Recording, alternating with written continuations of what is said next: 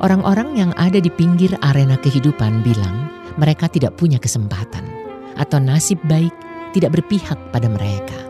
Padahal bisa jadi semua itu hanya karena mereka terikat pada pemikiran yang salah serta punya kebiasaan yang buruk. Keseluruhan hidup kita sangat tergantung pada kebiasaan berpikir kita. Mau jadi besarkah kita atau mau jadi sampah? Sangat bergantung pada hukum kekuatan kebiasaan. Kebiasaan adalah mitra bisu yang sudah menemani kita sejak kita dilahirkan dan selalu bersama kita sepanjang perjalanan hidup kita. Kebiasaan menjadi sekutu kita dalam mencapai harapan kita. Namun kebiasaan sekaligus bisa menjadi musuh yang menghancurkan kita karena mencegah kita dari sukses. Supremasi dalam hidup dimiliki oleh orang-orang yang berpikir sekaligus mengatakan, aku bisa atau aku bersedia.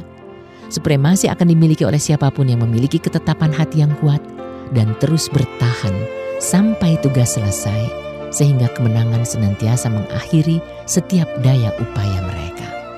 Tolak setiap sugesti dari siapa pun, dari mana pun yang membuat kita rendah diri. Karena rendah diri adalah racun pembunuh prestasi. Sikap mental yang kita ambil akan menentukan seberapa besar efeknya terhadap kita.